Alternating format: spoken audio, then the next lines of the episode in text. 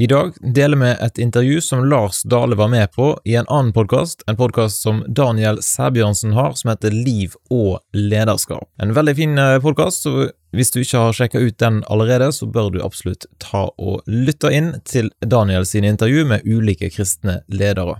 Men i dag altså er intervjuet med Lars òg her på Damaris Norge sin podkast.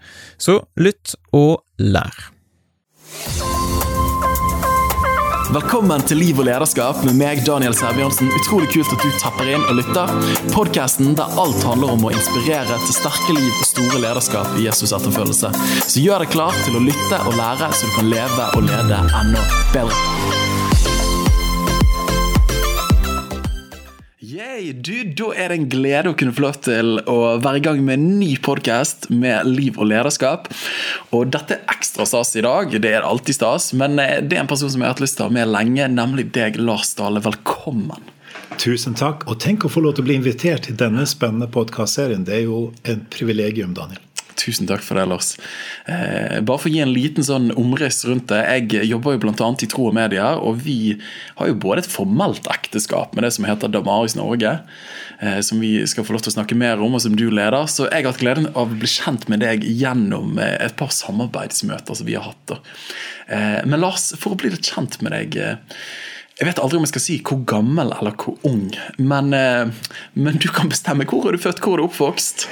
Det, det er jo, En skal vel aldri spørre en, spørre en dame etter alder, men, men, eh, du kan gjerne spørre meg. altså Jeg har akkurat passert 60 nå i høst, eh, og det føles litt rart på en måte. Samtidig så livets gang er jo sånn.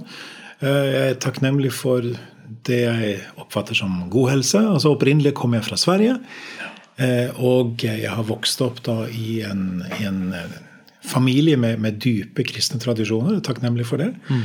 Min farmor var fra Norge. Ja. Uh, hun var misjonærbarn fra Madagaskar.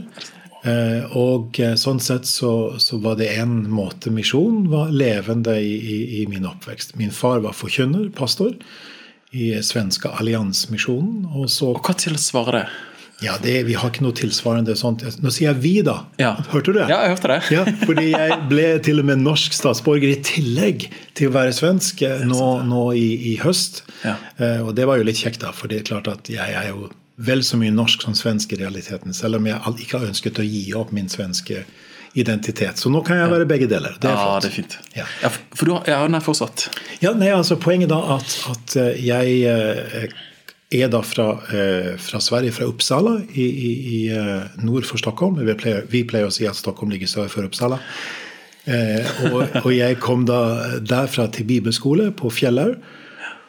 Og så eh, var jeg godt kjent med Familien min var, var personlige venner med, med familien Kvalbein, Asbjørn Kvalbein, som starta Gimlekollen. Mm. Og sånn eh, husker jeg at når han var på besøk i Uppsala, og skulle studere Rosenius eh, litt på et kort studieopphold. Eh, Karl Olof Rosenius, den kjente svenske vekkelsesforkynneren og oppbyggelsesforfatteren, som har betydd enormt mye i nordisk kirkeliv. Virkelig, virkelig. Den frie nåde, ikke, sant? ikke minst. Ja. Og, og, det som da, og da sa han du, vi har planer om å starte opp med, en medieskole i Kristiansand. Ja. Eh, kan, det hadde sikkert vært noe for deg, Lars. ikke sant, sa han. Og da tentes det en, en lyst til meg. Og det hører til bildet også at når jeg gikk på, på videregående, mm. så var, følte jeg meg nok litt ensom i det å på en måte være skal vi si, I dag ville vi kalt det evangelikal. ikke sant, Være tydelig, klart bekjennende. Det var, det var et krevende miljø i, i, i, i, Uppsala den gangen, følte jeg mm. mm. personlig.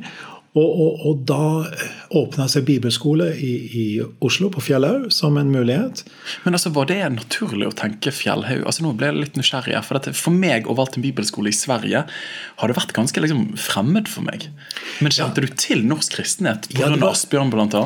Ja, og det var jo en del av det var vennskap f.eks. Med, med Asbjørn og andre. Og, ja. og, det andre var jo slektsrelasjon. Og jeg hadde vært sant, i, For min farmor var norsk, sant? og vi hadde vokst opp med, med, med en levende del av familien, sånn som storfamilien som var, var fra Norge. Og, og, også I tillegg så hadde min far reist som forkynner i deler av Norge, bl.a. oppe i Møre og Romsdalen. Eh, og, eh, og jeg hadde tilbrakt var det fire eller fem somre i, i Romsdalen. Eh, og, og følte at Norge var ikke fremmed. Norge var en, like naturlig, egentlig. Og sant, I dag reiser folk langt av gårde på DTS en plass. ikke sant, eller noe sånt, og, og for meg var det litt sånn eventyr å reise til Oslo. Samtidig som jeg ikke følte det var fjernt heller. Så øh, begynte der, og så fortsatte jeg etter militæret i Sverige på, på Gimlekollen. Og så, og så kom jeg til Oslo og begynte på Fjellhaug, på, på, det som da het Misjonsskolen. Øh, og kombiner, Det var ikke godkjent som utdanning. Nei, på den tiden, ja. Nei, altså Godkjent som, som høyskoleutdanning. Sant? Det var, var, en veldig god innholdsmessig utdanning. Men, men du fikk var... ikke studiepoeng ut av det? Nei, nei. nei. Så jeg kombinerte, vi, som vi sa, vi lærte i hvert fall å gå opp til eksamen, sant? for alle, alle, alle fag var dobbelteksamener. Så jeg parallellkjørte med, med, med teologistudiet på MF den mm. gangen. Og den gangen var det jo frie studieløp, ikke sant? så en kunne velge studieløp i veldig stor grad, så det passet med Fjellhaug. Ja. Så, så, sånn sett, og når jeg kom til Fjellhaug etter etter et år eller to, så etter et og et halvt år, så traff jeg min kjære Margunn. Og hun begynte da på det som da het ettårig misjonsskole. Eh, og hadde vel tenkt seg kanskje Hun visste ikke helt hvor veien gikk, men vi møttes i et kall til å nå kan du si, den sekulariserte verden. Og vi visste vel ikke helt hvor vi skulle gå. Vi, hun hadde tenkt litt på, på eh, hun hadde tenkt litt på, på, på, eh, Japan. Jeg hadde tenkt litt på Europa. Vi utforsket lagsmuligheter til å reise ut i, i lagsammenheng i, i ja. Europa. Men, men, men, det som kom som en utfordring til oss fra, fra Misjonssambandes ledelse, eh, det var da for, for det var å, å, å, ta imot en utfordring med å mm. komme begge to som lærere til Gimlekollen. Mm.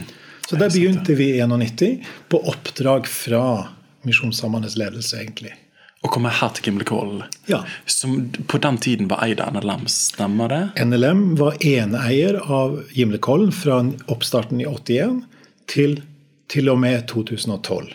1.1.2013 så ble det en fusjon mellom ja.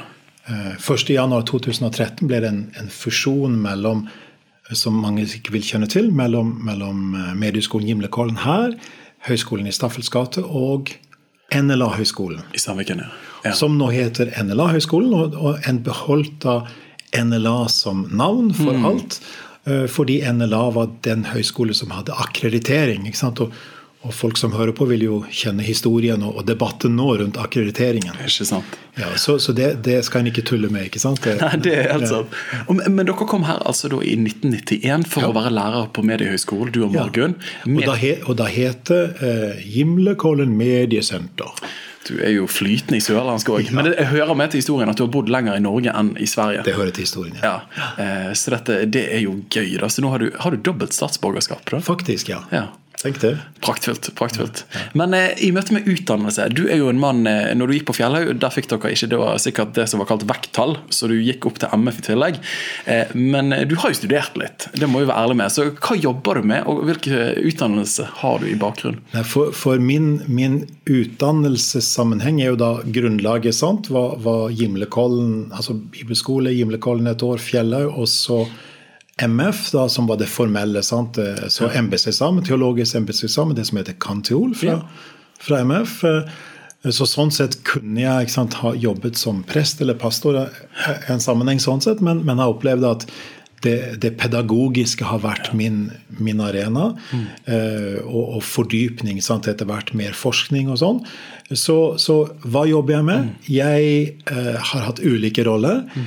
Helt fra ett år etter at jeg kom til Gimlekollen, så ble jeg spurt om å bli såkalt undervisningsleder, som jeg var fra, fra 92 frem til 2002, eh, altså i, et, i en tiårsperiode. Mm. Og fikk være med å bygge, lede egentlig faglig oppbyggingen av Gimlekollen mm. sin, sin, utdanning. Og den gangen var det jo primært journalistikk, så jeg fikk lov til å være med og tegne og lede arbeidet med å tegne den første journalistikkutdanningen, som var et nybrottsarbeid.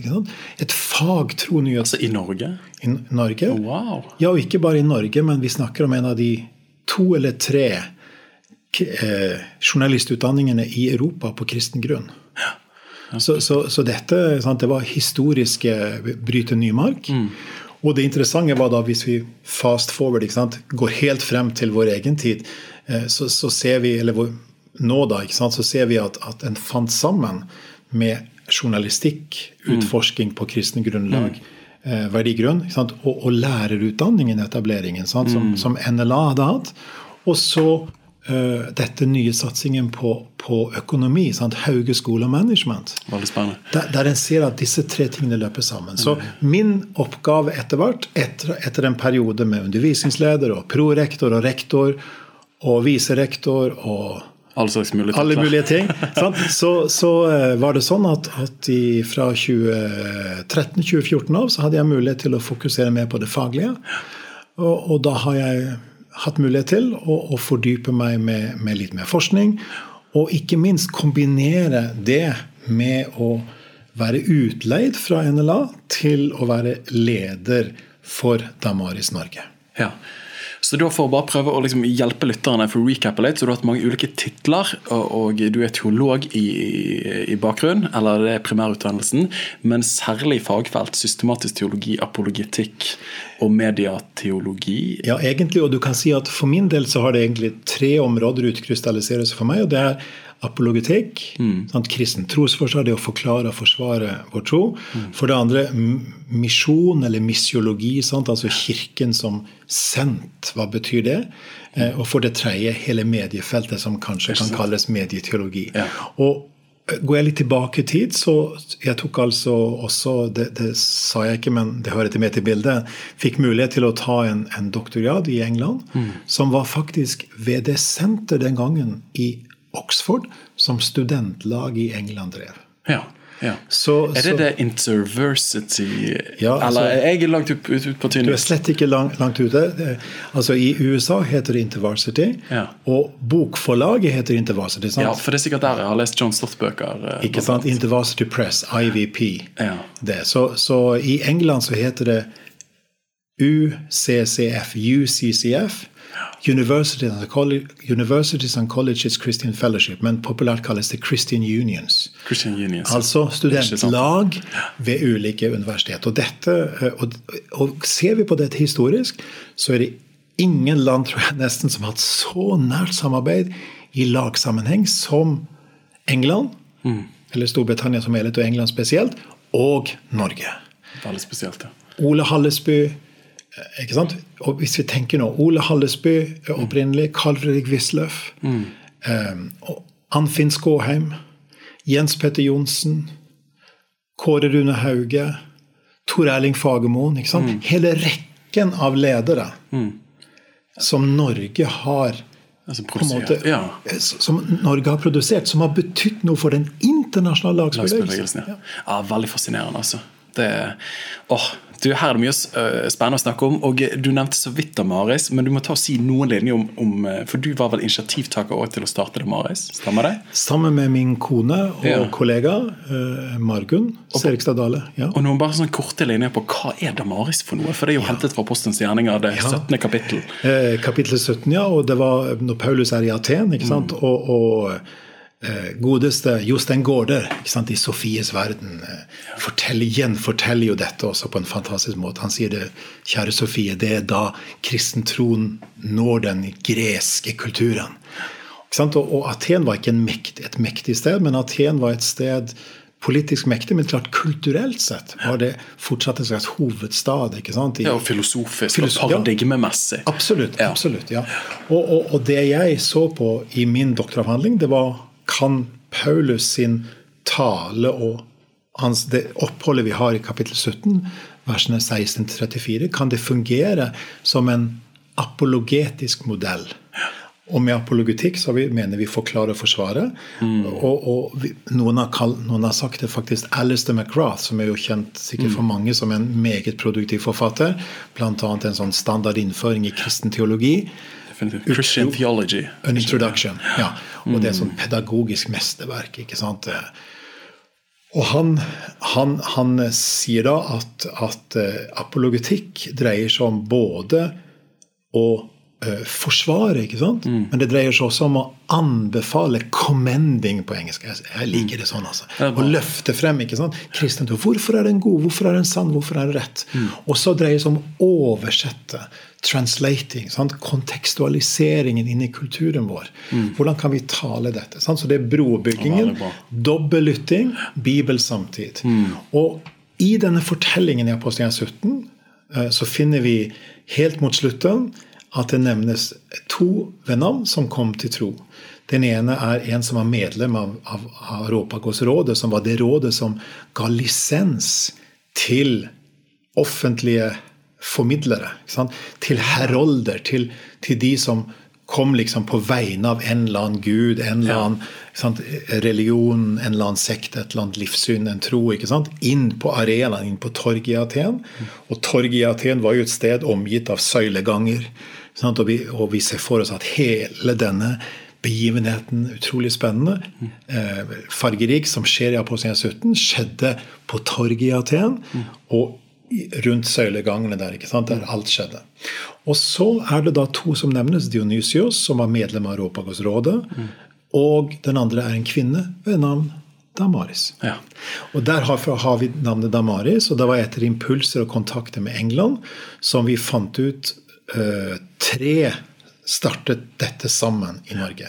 Det var daværende familie og medier, ikke sant? altså nåværende tro og medier. Og det var eh, daværende medieskolen Gimlekollen, altså nåværende NLA-høgskolen Kristiansand Gimlekollen. Og det var laget NKSS. Ja. De tre sammen sa vi vil gjøre dette i Norge. Vi vil starte en organisasjon som skaper ressurser for å være på torget. For å utruste. For å drive med dobbel lytting sant, til Bibel og samtid. På samme måte som, som, som, som Damaris hørte om kristen tro. Gjennom at Paulus relaterte troen på én Gud til alteret for en ukjent Gud. Ikke sant, ja.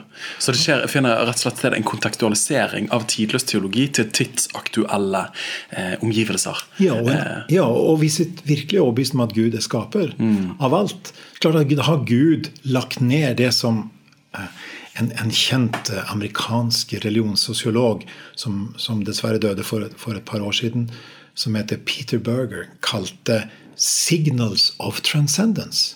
Det ligger altså signalet. det ligger ekko, det ligger, det ligger oppmerksomhetsknagger for oss Ja. i Guds skaperverk og i kulturen.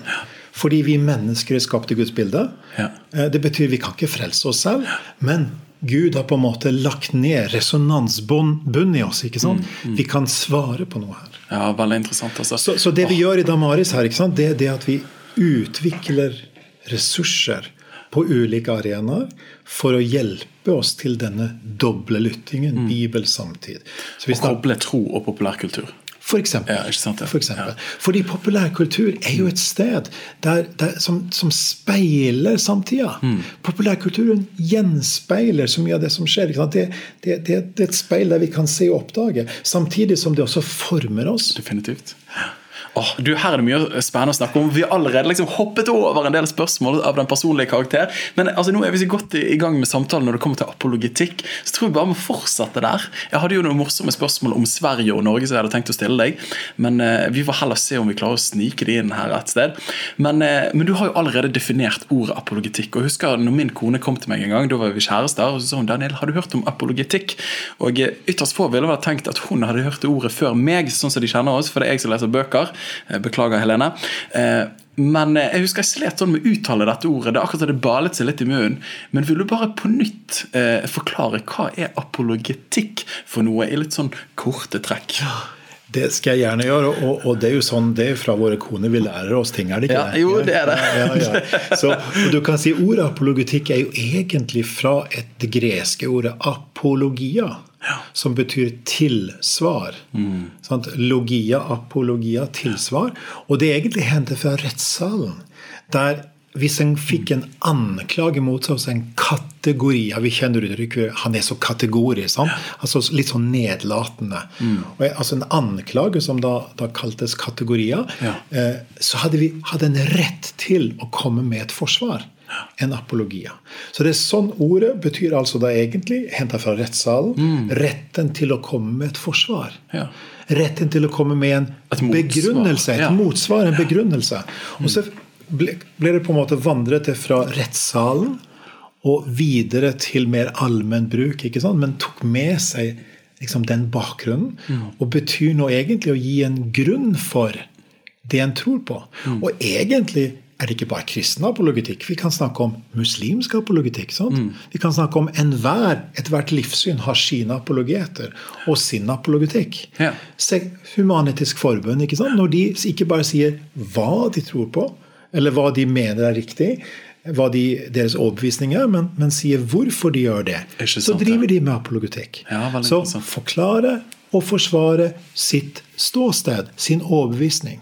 Det er apologetikk. Ja, det er veldig bra, veldig bra presisert det der. Og du, nå siterte du òg din kollega Stefan Gustafsson. Er ikke det han som har sagt at tros, altså, apologetikk er å forklare, men òg forsvare? Absolutt. Og, Ja. og, og hvis det er noen som, som eh, har lyst til å, å, å fordype seg mer i dette, så er jo eh, sant, trenger troen forsvares. Og her har jo, ja, og her Ja. har jo jeg et personlig vitnesbyrd. Det må jeg det, nesten ja? kunne få lov til å dele her. Ja. Men første gang jeg møtte deg, Lars, var jo to og et halvt år siden. Så skrev vi, vi hadde vært sammen, og nå, skal jeg liksom, nå skrifter jeg nesten til en skriftefar her. Men jeg hadde nok tenkt at jeg er ingen apologet, og jeg vet ikke om jeg har lyst til å være det, fordi jeg kjenner virker litt tørre av og til. Eh, Kanskje store hoder, men brenner hjertene sånn egentlig. Og jeg er jo frikirkelig i bakgrunn, så der ligger jo litt latent å tenke det. Men så kom du til meg i slutten av de dagene sa du, Daniel, denne boken her trenger troen forsvares. Og den slukte jeg den første kvelden. Og eh, trenger Daniel omvendes? Ja, det gjorde han. Eh, og jeg forsto at apologetikk er langt mer enn det gjerne snevert blir definert som. Og eh, du nevnte Alistair McGrath, eh, i sted. Eh, men at det er eh, det inneholder mye. Og så forstår jeg nok at jeg har drevet apologetikk i flere år.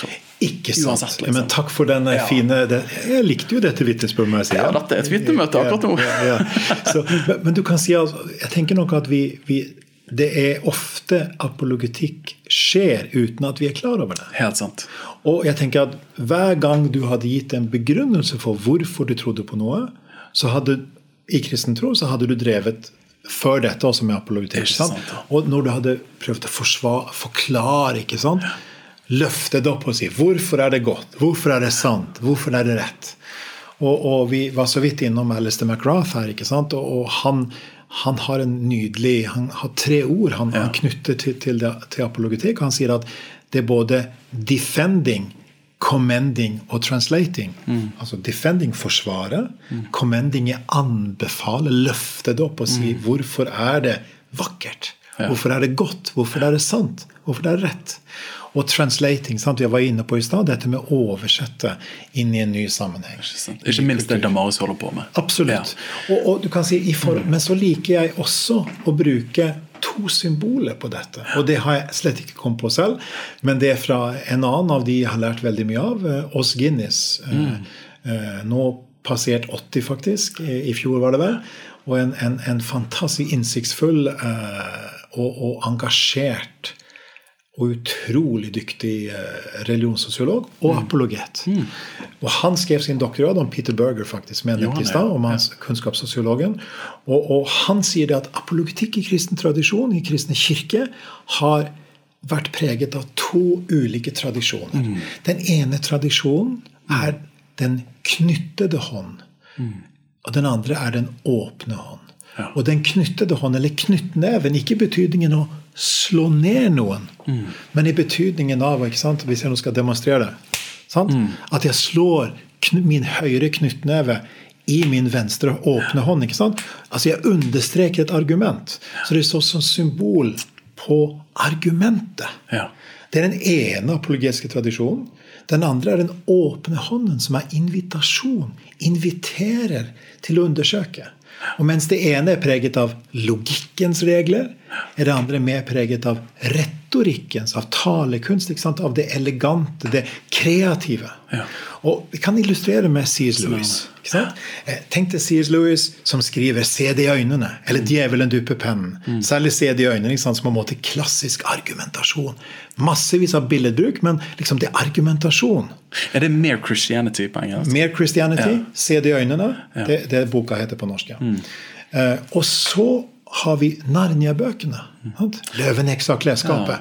som i en- Induktive. ja, det er den indirekte måten. Den kreative. Jeg ser for meg at det er den åpne hånden. Invitere til å utforske. Han fikk jo spørsmål en gang hvorfor har du skrevet disse bøkene. Ja, det, han sa at det kom, Du kan svare på flere nivåer, tror jeg han sa. Eller. Ja. Et nivå er at, at eh, det kom et bilde til meg av en faun og en lyktestolpe. Sånn begynte jeg å, å skrive det. Og så, det, Den tok form, ikke sant? for det var en ekte kreativ prosess. Han satt ikke ferdig med alt, men han, han oppdaga liksom en historie som lå der, som han vandra inn i og kunne sette ord på. Men så sa han at når jeg skulle fylle dette med innhold, så var det for meg viktig at det skjedde på en naturlig måte i forhold til fortellingen, i pakt med mine overbevisninger. Så han fort skapte en fantasiverden som Hvis barn kommer først dit, han, hvis de først hører dette, så vil de kunne lære å kjenne Aslan som den gode. Sant? Ja, han er god, men han er ikke ufarlig. Sant? Ja, det er fantastisk. Ja. Eh, Et sterkt øyeblikk. Og da skrev C.S. Lewis til noen barn som skrev til ham, fordi jeg ønsker at du skal lære å kjenne meg under et annet navn i den virkelige verden. Sant? Så, så det var ikke det at det var, det var ikke propagandalitteratur, det var ekte litteratur, men det var skrevet på en måte sånn at det gjenspeilte hans tro. På en ekte måte. Sant, ja. Og da har du forskjellen på se det i øynene med Christianity var liksom knyttneven. Det bestemte argumentet. Eh, ikke som slår ned knyttneven, som det, men som Men slår fast. slår fast. ikke sant? Mens den åpne invitasjonen, den kreative utforskningen. Og jeg tror i dag trenger vi begge deler. Helt, helt sant. Åh, du, du gir gode svar her, Lars, altså, og du har mye å melde på mange ting. Og det syns jeg er så spennende. Og jeg Oh, Jeg må bare bevege meg litt videre her. For jeg nevnte det litt i sted. eh, Men når det kommer til um, altså Ulike kirkelige tradisjoner ulike sammenhenger har ulike ting man vektlegger, og man gjerne vil si har ulik åpenbaring på. Og For en tid tilbake, for noen uker siden så leste jeg en liten lefse fra John Stott som heter 'Your Mind Matters', eh, for å prøve meg med litt britisk aksent der.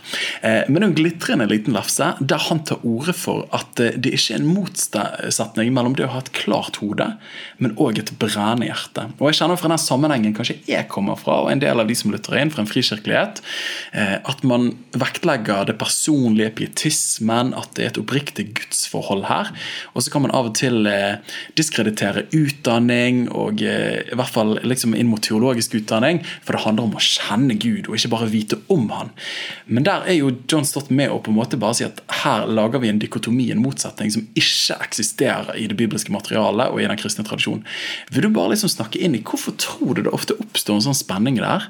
Eh, og eh, stemmer det at det er en spenning der? Det er et retorisk spørsmål på slutten her.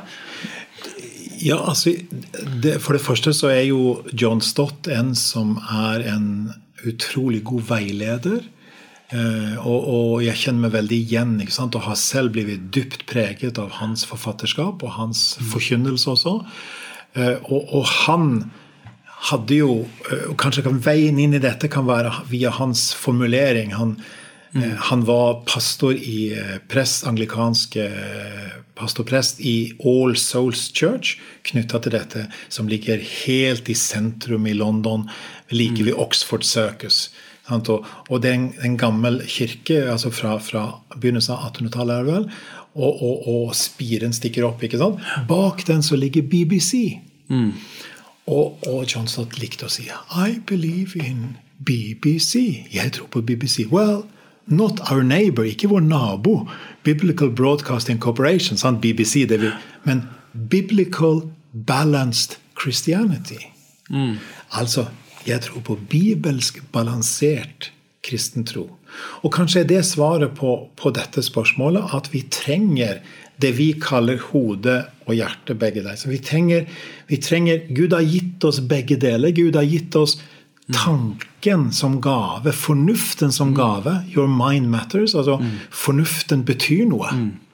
I Guds øyne. Vi har blitt gitt den til å kunne se forskjell mellom ting. Ikke bare blindt akseptere ting, men å granske det. Sant? Prøv alt og behold det gode, sa, sa, sa. Paulus. Så, så vi trenger tanken. Men hvis tanken reindyrkes uten å forankres i engasjement, i personlig levd liv. Mm. I hjertet, mm. som vi kaller det. Sant? Selv om det bibelske begrepet for hjerte er jo ikke det samme som vi bruker. Sant? For hjertet i Bibelen er mye bredere. Ja. Inkluderer også det vi kaller fornuft på mange måter. Ja. Fordi det er personlighetens sentrum. Så jeg tenker at i de sammenhenger der en har vektlagt levd liv, erfart kristenliv, med veldig god grunn, så har en av og til, kanskje litt for ofte, i hvert fall historisk, vært i fare for å bli ubalansert på dette. Og ikke ta med seg samtidig tanken. Så poenget her er ikke å skifte ut det ene, eller bytte ut eller velge det ene. Mm. Og kanskje er det fordi en har møtt kun en intellektualisering. sant? Det er en sånn tørr intellektualisme uten liv. Det er jo livsfarlig, ja, åndelig sett. Og så er det samtidig blir det andre veien lett svermerisk. ikke sant? En mister på en måte kontrollmekanismen som tanken vår skal være. Mm. Og jeg tenker at hvis en spør er kristen tro fornuftig, f.eks., for mm. så kan en svare mange måter på det. altså mange måter å svare på det. Men en måte å svare på det er at ja, med et par, ja, men med noen forbehold. Mm. At vår tanke har grenser. Det er ikke mm. alt vi vet. Sant? Vi mangler kunnskap. Vi er ikke Gud. Vi har en grense for vår kunnskap. Mm. Og det andre er det at kunnskapen fra Gud kommer jo som en gave til oss. Altså, Gud velger sant, å komme til oss med det skrevne ordet og det levende ordet. Med Bibelen og Kristus. ikke sant? Han åpenbarer for oss. Ja. Så jeg tenker at det å få med seg at her er det begge deler mm. Veldig bra, Lars. Og jeg tror det er bare viktig at vi løfter det opp. Og så tror jeg vi alle når vi hører det, kan slutte oss til og si at så klart tror vi på det. Og som, som Jesus lærer oss i det doble kjærlighetsbudet, bl.a. i Matteus 22, at du skal elske Herren Gud av hele ditt hjerte. Og Der har jo du oss karismatikere og frikirkelærere bare sånn amen. Også med hele din sjel, ja, vi er med på det, liksom. Men med all din kraft. Og så kommer jo det så husker min gamle pastor Reidar Paulsen sa, men du skal elske Herren Gud av hele din forstand også. Eh, og det, den har jeg tatt med meg, og det er jo det du vektlegger vektlegger her at det er ikke enten-eller, men det er ja, begge deler. Det er hele mennesket. Og det er interessant, er det ikke det, at, at, at uh, det er når vi kommer til Nytestamentet, som vi får dette utmynta. Fordi den, den gammeltestamentlige versjonen, sant, der inkluderte mm. Ja, på en måte Tanken lå inkludert i helheten der, men det trengte å utmyntes sammen med det andre. Ja, veldig bra. Du, Nå har vi snakket om apologitikk, trosforsvar, koble med samtid og skrift. Eh, men bare sånn helt avslutningsvis, veldig veldig kort, for vi har mer vi har lyst til å snakke om her. Men hvis folk tenker at ok, jeg er ingen klassisk apologiet og syns det er vanskelig med de ulike former for apologitikk, men jeg ser at jeg har lyst til å lese litt mer om det, jeg har lyst til å få en innføring i det, hvor vil du pekt folk hen da? Nei, altså Å begynne med boka 'Trenger troen forsvares' ja. Er jo et veldig godt sted. Det er min gode kollega Stefan Gustavsson, eh, også ja. fra Sverige, sant? men bor i Sverige, men er deltidsansatt hos oss på, ja. på kommunikasjon livssynsstudiet på, på NLA-høgskolen eh, her i mm. Kristiansand, mm. på Gimlekollen. Så 'Trenger troen forsvares' av Stefan, ja. og han har jo skrevet en rekke andre bøker. Så det er i hvert fall et veldig godt sted å begynne. Og så vil jeg jo si at, at, det å gå til nettsiden Snakk om mm. tro, ja. som Damaris uh, har jobbet nokså mange år med, å, det slags levende arkiv av materiale. Og det er altså, Sist vi telte, lurer på om det var nesten 1100 saker. Er det sant, ja. Og, og der, På så mange ulike temaer. Veldig mye. Sant, og, og, du kan jeg tenker å begynne der. Mm. Det fins videoserier med Stefan. Uh, og, kan ta som et eksempel, og med flere av oss andre, ikke sant? Mm. kollega Bjørn Hinderaker uh. Og, så og, og kunne nevnt alle med navn. Anne Solfrid Brennhovd er redaktør for, for, Siden og gjør en veldig viktig jobb i den. Så, så, så jeg tenker det er kanskje Jeg ville kanskje begynt med og, og, og, og, før en kommer til en bok, og lytter på en video eller to og leser noen artikler. Om noen temaer du interesserer deg for. Ja, det er akkurat det. Og gjerne gå inn på snakkomtro.no og søke etter et tema. F.eks. Rune Tobiassen mm. leder fellesmøtene altså, eh, hvert år her nå de siste fem-seks årene. Det var fellesmøter i, i, i forrige uke her ja. i Kristiansand med Tor Håvik som, som, mm. som, som forkjønner. Fantastiske møter. Og, og, og, og, han, Rune Tobiassen har en serie på Snakk om tro om det onde og lidelsen. Mm. Fire-fem videoer. fantastisk gode videoer som en kan dele med hvem som helst. Og det er noe av det vi legger vekt på i Damaris, at vi ønsker å, å, å, å ikke snakke internt, men å kunne snakke om kristen tro på en sånn måte at vi kan dele med andre. Så bra. På Samfunnstorget, på Are Arepagos. I dagens Arepagos. Ja, ikke sant? Det er akkurat det. Og, og, og med våre venner, ikke sant? Og kanskje familie. Eh, ikke påtrengende, men der det er naturlig. Ja. Og kanskje trenger vi å stille spørsmål til andre. Kanskje venter de på at vi skal spørre de hva de tror på. Ja. Kjempebra. Så bra, Lars. En eh, Gode stikkord der. Eh, snakk om tro.no, eller trenger troen forsvares. Veldig bra. Du, Vi er nødt til å snakke litt om samtiden. Og du, Lars, det er alltid gøy å komme sammen med deg. For du er jo en mann som har åpenbart i løpet av de minuttene vi har snakket sammen, at eh, du har jo lest noen bøker, du har tenkt noen tanker, og du har skrevet noen eh, artikler og verk og bøker. Eh, så det er alltid gøy å snakke med folk som er smartere enn en sjøl. Eh, og det privilegiet nyter Det var dine ord, Daniel. akkurat nå. Det var mine ord, men på en del områder tror jeg rent objektivt det kan slås fast. Eh, men du har jo stått i dette spennende spennet mellom samtid og, eh, og skriften, tekst og kontekst, og som er hele DNA-et i Damaris. Og Det er to ord som slenges mye nå rundt oss, gjerne modernisme og postmodernisme. Og I De siste århundrene fra opplysningstiden, ish 1750 og framover, det kan være at du arresterer meg der, men ikke gjør det på podkasten, eller det kan du hvis du vil, eh, så er det mye som har forandret seg. Vi har navn som Marx, Freud, Nietzsche, Sartre eh, osv. som har preget mye av det kollektive måten vi tenker på, som gjør at samfunnet vi er en del av i dag, er veldig annerledes. To ord, modernisme, eh, postmodernisme, slenges rundt. Men jeg tror mange med meg kan av og til tenke hva menes egentlig med de ordene der? Så nå har jeg lyst til å gi deg en liten akademisk utfordring her, men har lyst til å definere de ordene for lytterne litt? Og forklare de litt? Altså, eh, Slik som det ofte brukes i forhold til det du nå refererte til, disse viktige tenkerne, Ja. så er det, snakker vi om det moderne som den situasjonen der en bryter med det tradisjonelle. Ok? I Norge eksempel, snakker vi om at den moderne ånd brøt inn på 1870-1880-tallet. Eh. Og, og jeg skal ikke arrestere det på noe tidspunkt. Det, jeg tror det var helt innenfor. Eh, Så, så, men du kan si i norsk sammenheng så ser vi at, at da var det at eh, Universitetet i Oslo sant, ble arena for brytningen Ja. mellom den klassisk kristne tro, som på en måte var en selvsagt tro kulturelt, og de nye tankene som var knytta særlig til det vi kaller eh, med et, et teknisk ord for positivismen. Altså troen på at bare det vi kan måle, eksisterer. Ja, så, så et ektefødt barn av naturvitenskapene, da, på sett og vis? Ja, og du kan si at det var en måte å fortolke naturvitenskapen på. Ja, det er kanskje enda bedre sagt. Ja, Ja. Og, og, og det var, det var eh, altså sånn at den, liksom, det var bare det våre vanlige sanser kan oppfatte. ikke sant? Så Så, materien og det rasjonelle. ja. Ja. Så det var liksom, det ga ikke plass til sant, det religiøse, ga ikke plass til Gud. Transcendente. sant, Det hinsidige, det transcendente. Det ga ikke plass til, til egentlig heller til det estetiske, altså til kunst. ikke sant? For, og det ga ikke plass til de moralske heller. Så, så det var veldig begrensa, men det hadde et enormt gjennomslag. Mm. Og, og ofte knytter vi da troen på det fornuften, ikke sant? og troen på på, på naturvitenskapen særlig, eller vitenskapen generelt, naturvitenskapen spesielt, som nøkkelen til å forstå virkeligheten. Og, og det var da, og Hvis vi kaller det det moderne, så var det en kjempeutfordring. Og, og der kom ikke vekkelsesbevegelsen alltid godt ut.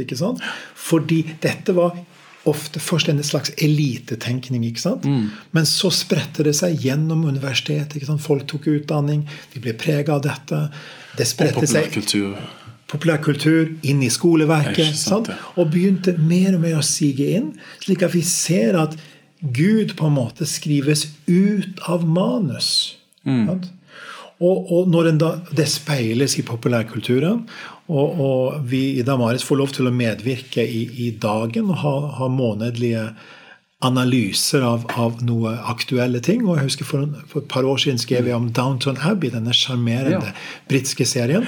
Og det er veldig interessant, for de begynner aldri opp, Når de skal beskrive en, et, et måltid, så begynner de aldri forfra, men de begynner inni måltidet. Fordi de kan da la være å vise bordbønn. Er det sant? Faktisk så sa regissøren det.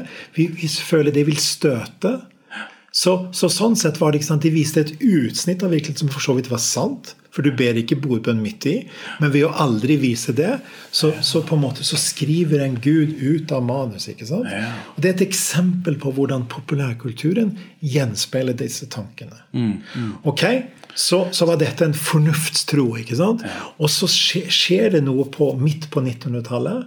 Eh, først eh, gjerne fran, blant franske filosofer. og er det noe som heter Frankfurt-skolen og poststrukturalisme? Ja, ja og, og, og, du kan finne det forskjellige steder, da, men ja. du kan si det er et slags oppgjør med dette.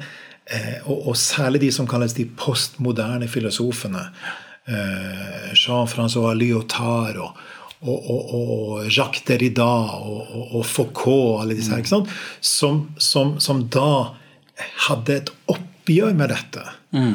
Og de anvendte samme medisin, så å si, som det moderne hadde brukt på det klassiske. Ja. Så, og, og, da sa de går det an å tro på vitenskapen, da? Må ikke den også parkeres? Er ikke det egentlig et maktspill? Og så plukket de opp en tenker som var veldig viktig på 1800-tallet, nemlig Nietzsche, som, som, på en måte står for det, troen på intet. ikke sant? Nihilismen. At, ja. at, du kutter ut Gud. ikke sant? Og, Alt er meningsløst. Ja, egentlig ja. på sånn populært sagt, så sitter den igjen med det. Og, og, så plukket de opp og da sier hva, hva, Hvis det er sånn at ikke mening finnes, mm. hva sitter vi da igjen med? Jo, vi sitter igjen med maktspill. Mm. Og da er det makt som betyr noe. Og, og, det de da var opptatt av, disse postmoderne For du spurte meg om å definere ja, moderne og postmoderne. Og det postmoderne tenkenes deres oppgave er å avsløre maktspill. Ok?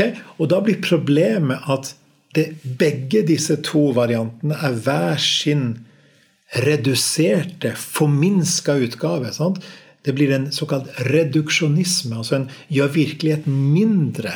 Enn det den faktisk virkelig er? Ja. ja. I begge variantene. Og så Noen kristne trekkes til den ene varianten, andre kristne trekkes til den andre. Men jeg tenker ut fra et syn på at der, der fins det glimt av sannhet i både det ene og det andre. Mm. Akkurat som Paulus i Aten anerkjente sannhetselementer i det. Mm. Han, han, anerkjente både stoikerne mm. og epikureerne, kan vi lese om. Og nå har vi ikke tid til å gå inn på det, men poenget er at de sto for hver sin versjon. Sant? Den ene Epikureerne trodde at Gud var langt vekk. Og, og stoikerne trodde at Gud var liksom en verdensfornuft. ikke sant? Som, og, og, og Paulus ga begge to litt rett. Ja de, de, de, ante hver sin del av sannheten. Og du kan si mens, mens eh, det moderne vektlegger det objektive, vektlegger postmoderne det subjektive. Mm, mm. Og vi trenger jo både det objektive og det subjektive. Mm. Og i, Litt sånn hode-hjerte, veldig karikert. Egentlig, men på sett og vis, ja. ja og, og, og i, i, sånn faglig sammenheng snakker vi om at skal vi forstå det sammen, så må vi ha noe som heter kritisk realisme. Mm. At Vi regner med at det finnes en virkelighet, en realitet, en virkelighet. Men det er ikke sikkert vi skjønner den, og vi forstår den riktig. Mm. Og at vi, speil, vi har et filter hos oss som gjør, som gjør at måten vi ser, forstår det på, sant, er mm. påvirket av vår, hele vår historie og vår bagasje. Ikke minst. Ikke så, minst. så, Derfor så ser vi at her er ulike typer utfordringer. Hvis vi ser på det fra den naturvitenskapstroen mm eller fra subjektivismen. Sant? Det er to forskjellige typer utfordringer. Jeg syns du presiserer det veldig bra her, eh, Lars, og jeg synes du gir en god forklaring rundt det. For dette kan av og til være begreper som blir slengt litt rundt, og så eh, nikker man og later som man vet hva det betyr, men så vet man kanskje egentlig ikke hva det betyr. Men litt sånn forenklet så har det vært en veldig eh, tro på naturvitenskapen, det rasjonelle, materien, det vi kan prøve og etterprøve. Og så har man beveget seg stadig mer over i en subjektiv retning, som er nesten en motreaksjon, men det postmodernistiske, der det er det vi føler og det vi tenker, gjerne blir mer tungt tungtveiende enn det man kan etterprøve av og til. At min sannhet er min sannhet. Helt enig. Eller endog at han kombinerer det. Men anvender det på ulike områder i livet. Ja. Når det gjelder vitenskap Og legevitenskap. Da, da er det vitenskapen som råder. Når det gjelder tro og verdier og etikk, da råder det subjektive. Veldig god presisering. og jeg synes jeg har lest Timothy Keller. Han bruker jo ikke postmodernistisk begrep, men late modernity. Ja, og da er vi inne på ulike forståelser av dette. ikke sant? Og, ja. og, og, og, Vi skal ikke gå for dypt inn på dette, men, men, det går an å se på dette både fra et, et, et, et eh, kan du si, et idéhistorisk perspektiv. Det var det jeg vektla i stad. Mm. Men hvis vi går inn fra en annen vinkel, kan vi se på det sosiologisk perspektiv. Så i praksis, ja. Ja, egentlig samfunnsstrukturene. Ja.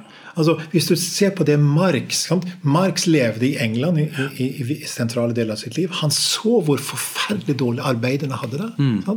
Og, og, det var jo hele innflytingen til byene, mm. oppvekst, altså fremveksten av industri, sant? altså urbanisering og industrialisering. Mm. Og dette skapte jo en, en forferdelig livssituasjon. Mm. Og så så han seg rundt. Hvem gjør noe med det?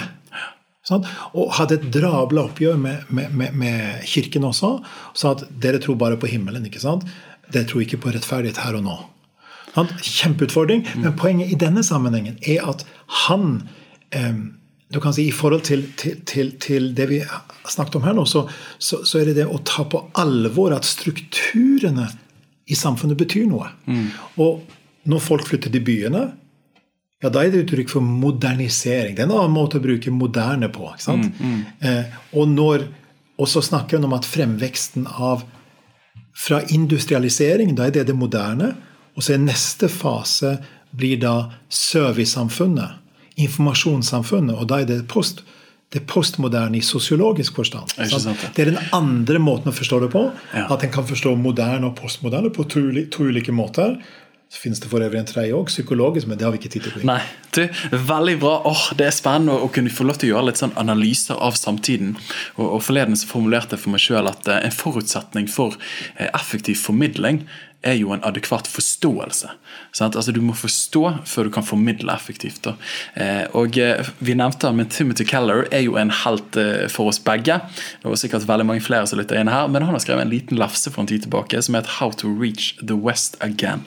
Skriver mye spennende der, og man kan få inntrykk av at Kirken iblant ikke helt forstår samtiden, og dermed svarer på spørsmål som tiden ikke stiller.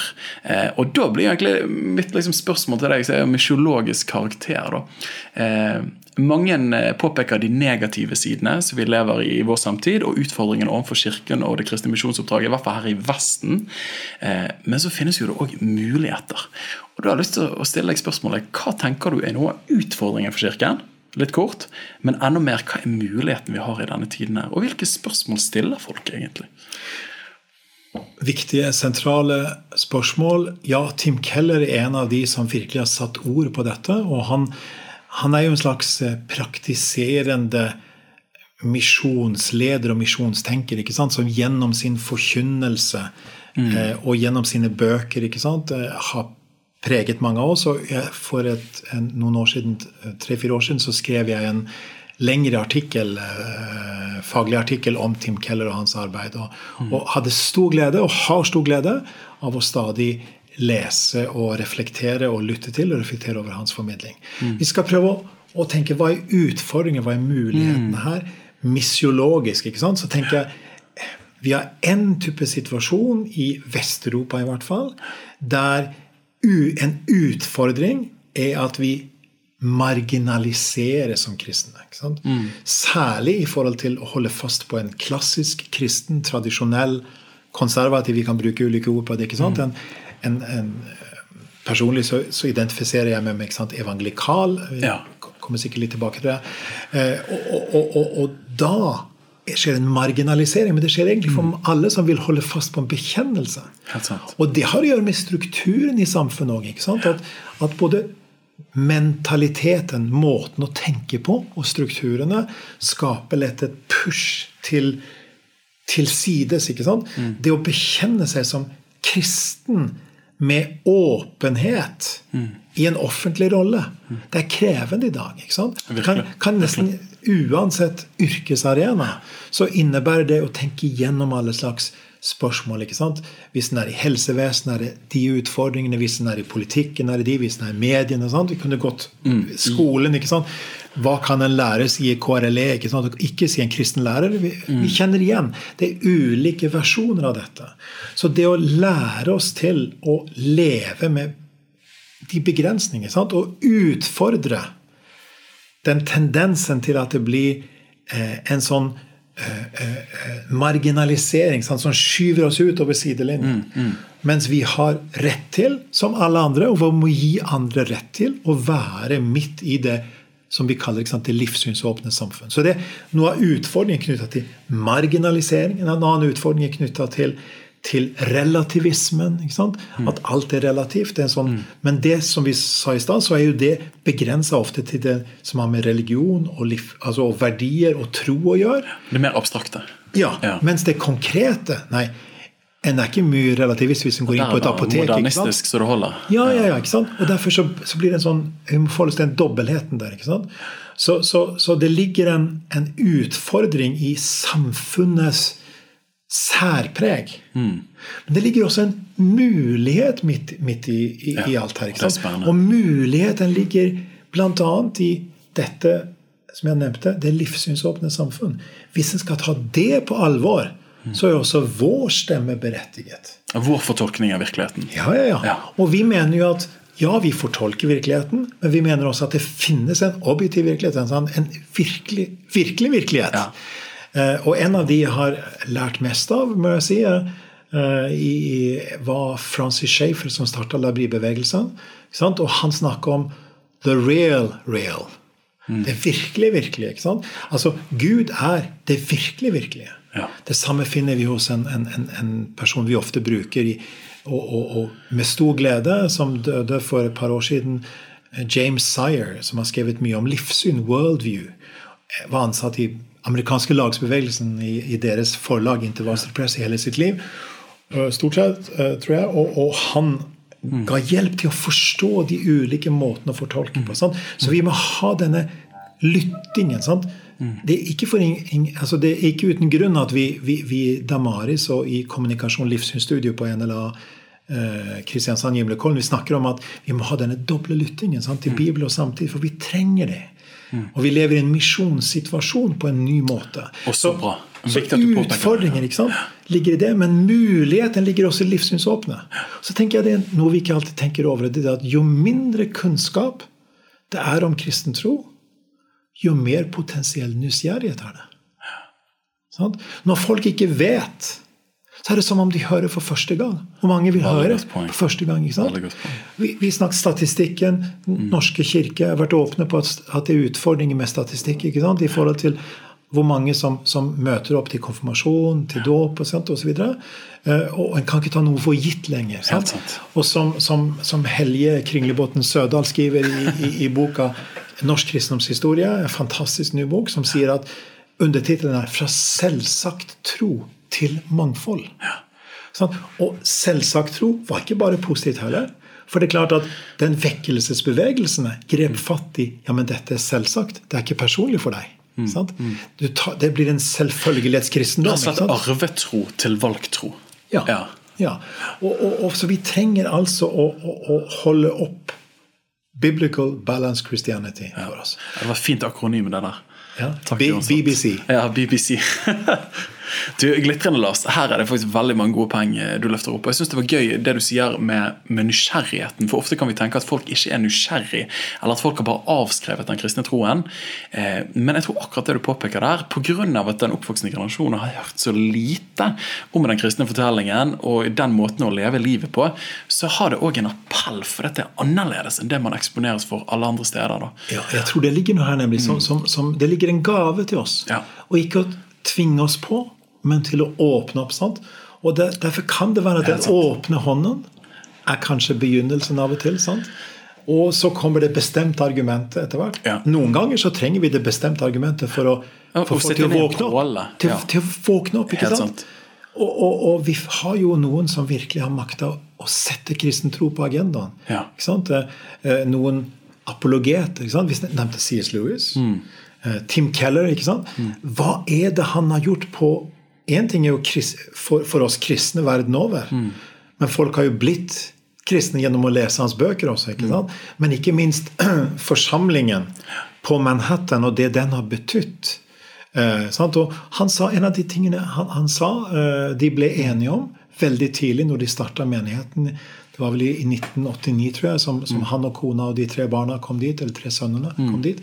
Så sa han vi, vi ble enige om å ikke og ikke altså, Eller å hele veien snakke som om det er personer som ikke bekjenner kristen tro til stede. Mm. Okay? Sånn at ikke det snakker om folk. På en, en, en nedlatende måte, en på en uviselig måte, måte, karikert måte. Men, men tenker igjennom, ikke sant? Som altså, Nestekjærlighetsbudet tilsier at vi skal omtale andre med respekt. Men også la det gjelde på tvers av kristen tro og, og annen, annen eh, tro. ikke sant? Overbevisning, annet livssyn.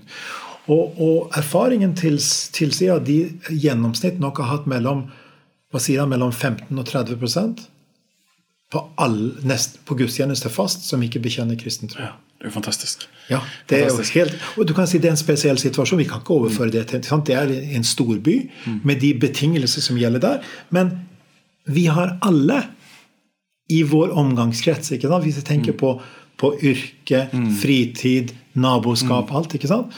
Og vi skal ikke trenge oss på, men vi kan bygge relasjoner og være til stede og be om at Gud åpner dører. Ja, Kjempebra. Så bra. altså. Her er det gode råd gitt. Eh, og Timothy Keller han har betydd mye, og betyr nok mye for mange i lang tid framover. Eh, men en annen mann som jeg vet har betydd mye for deg, og som eh, er min favoritteolog, hvis man har lov til å ha sånt Jeg sa vel tidligere til Helene at jeg, jeg tror jeg har en teolog-crush. Men det er vel lov når det omhandler teologer. Men det er John Stott. Kjøpte opp alle bøkene jeg manglet av han i sommer en sen kveld. Jeg måtte bekjenne det til min kone dagen etter at Helene i går kveld brukte jeg en del penger. For jeg fikk en forelskelse.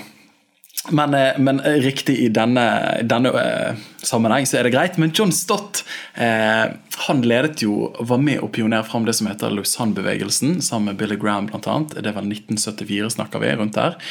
Eh, jeg vet at du har vært hjemme hos John Stott og møtt han. Jeg har lyst til å høre litt fra den skildringen. Men han blir jo gjerne liksom på, på flås sagt å være paven for den evangelikale bevegelsen.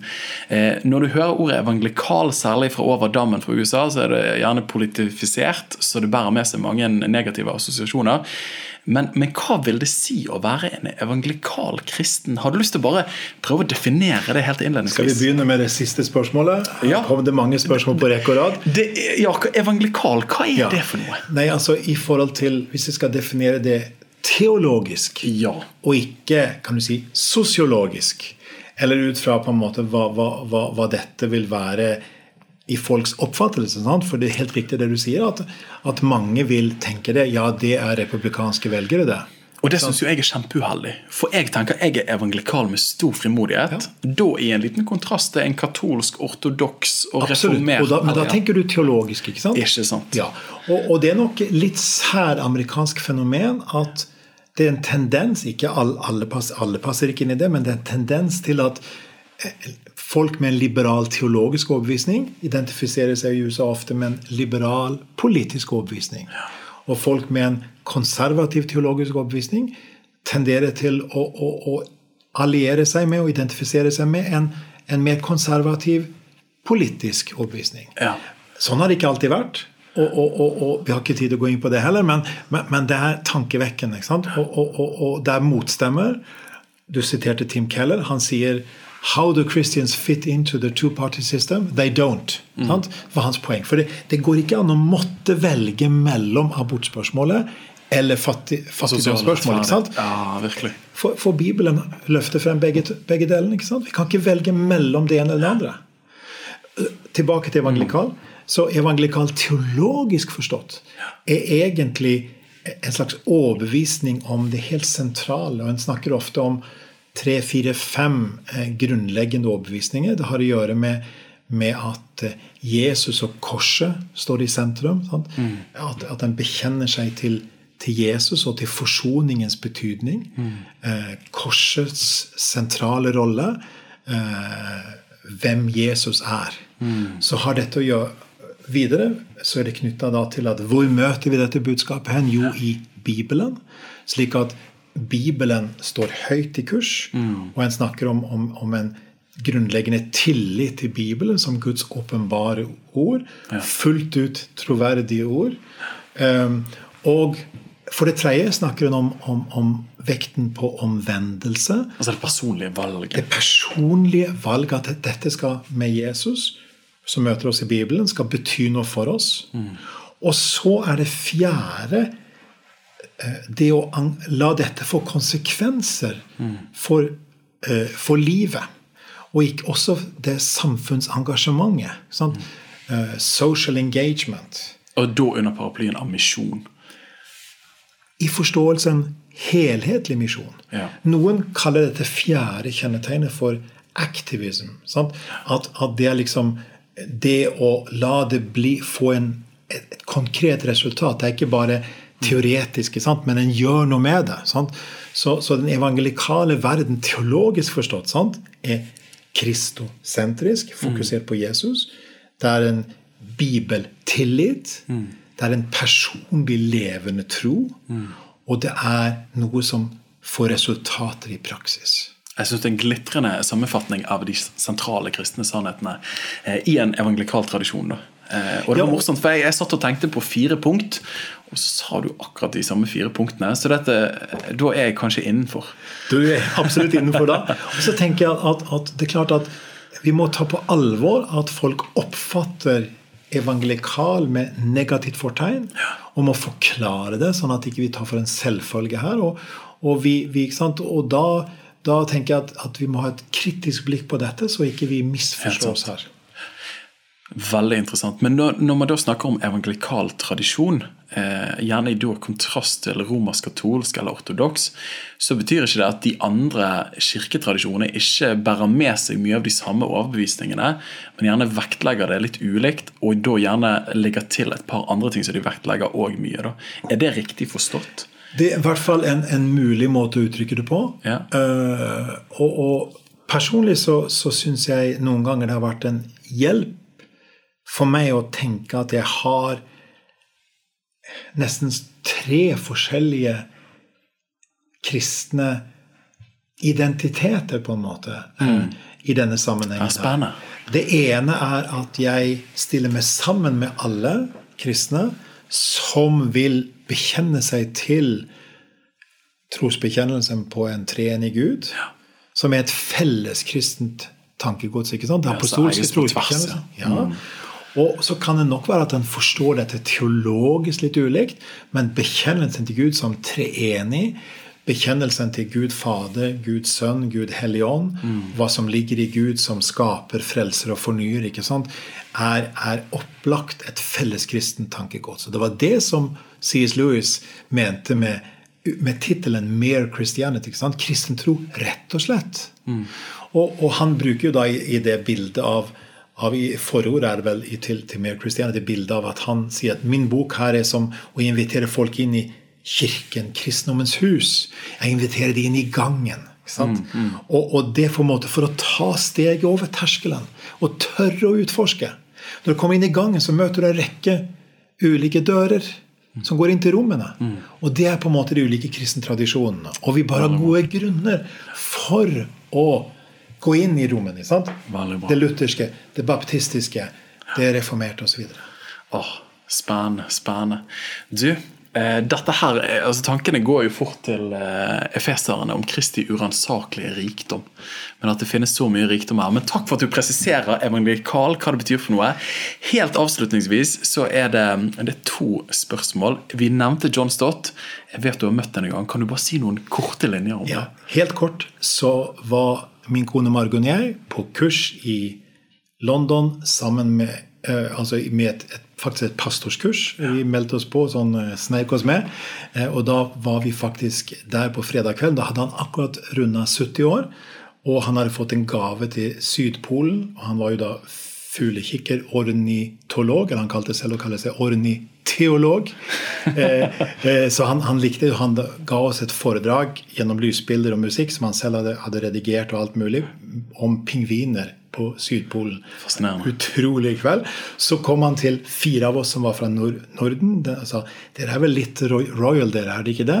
Eh, på søndag så skal jeg tale i St. James' Palace. Dessverre er ikke kongefamilien der, men jeg er i ferd med å gå av som hoffpredikant. Det var en rekke hoffpredikanter, og han var en av de. Og, og, og, og kan dere komme, komme dit, så er det sånn stas og 1600-tallskor i, i 1600-tallsdress osv. Og, sånn. Og, og det var liksom noe der. Og, det som da eh, Da fikk vi lov til å komme hjem til han, og, sammen med noen andre fra Skandinavia. Og, og den gjestfriheten og, og den, nydelig. og Så jeg kan ikke si at jeg ble personlig kjent med han. Nei, nei. Men, men, men det var et møte med en mann som, som levde livet. Levde ut livet. Ut den bekjennelsen, den troen på Jesus, Ja. i møte med enkeltmennesker. Og viste Han så oss. Har noen fine glimt jeg tenker på at han, han, han så oss. Så John Stott er en mann som Han ville blitt 100 i fjor. Og han, hans verk, på en måte, livsverk, lever gjennom hans bøker, gjennom hans forkynnelse. Eh, Så jeg anbefaler folk gjerne å utforske johnstott.org. Der finner en taler, en finner tips om bøker, til og med en gratis e-bok så jeg her en dag. Eh, Så det er bare å, å, å, å satse på det. Du, så bra, altså. Du, Jeg har alltid et avsluttende spørsmål til lytterne, nei, til deg som gjest. Og det er hva ville vært ditt fremste råd til lytterne for å hjelpe deg til sterke liv og store lederskap i etterfølgelsen av Jesus? Å leve Nå snakker jeg kanskje til meg selv like mye som til noen andre. Å leve nær Jesus med åpne En åpen bibel og et åpent liv og et åpent sinn i møte med andre mennesker.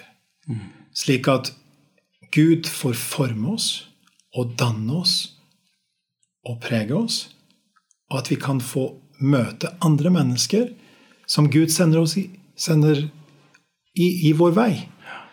Eh, jeg tenker en åpen bibel, et åpent liv og et åpent sinn med Kristus i fokus.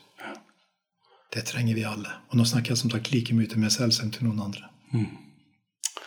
Du, Det var vakkert sagt, Lars. Tusen takk for at eh, du var gjest her. Det har vært en glede. Eh, også Hvis folk har lyst til å koble seg på deg, det du har produsert, det du holder på med, damaris.no. Er det andre steder eventuelt man kan koble seg på? Ja, De kan eh, til og med gå på bloggen min, larsdale.no, selv om den ikke er så oppdatert. Men eh, ellers gjerne søke via Snakk om tro. Eh, det er kanskje det beste stedet til å finne litt ulike ting. Så takk for at du fikk lov til å være gjest, Daniel, og, Guds velsignelse over arbeidet og tjenesten. Takk. Takk for at du lyttet inn til Liv og lederskap, og håper at du ble inspirert til å leve sterkere og lede større Jesus-etterfølgelse. Hvis denne episoden ga deg noe, del den veldig gjerne videre til en venn eller to, sånn at de kan bli inspirert. Og husk det at ditt liv, ditt lederskap, betyr en forskjell, så ikke len deg tilbake, men len deg framover. Vi trenger deg.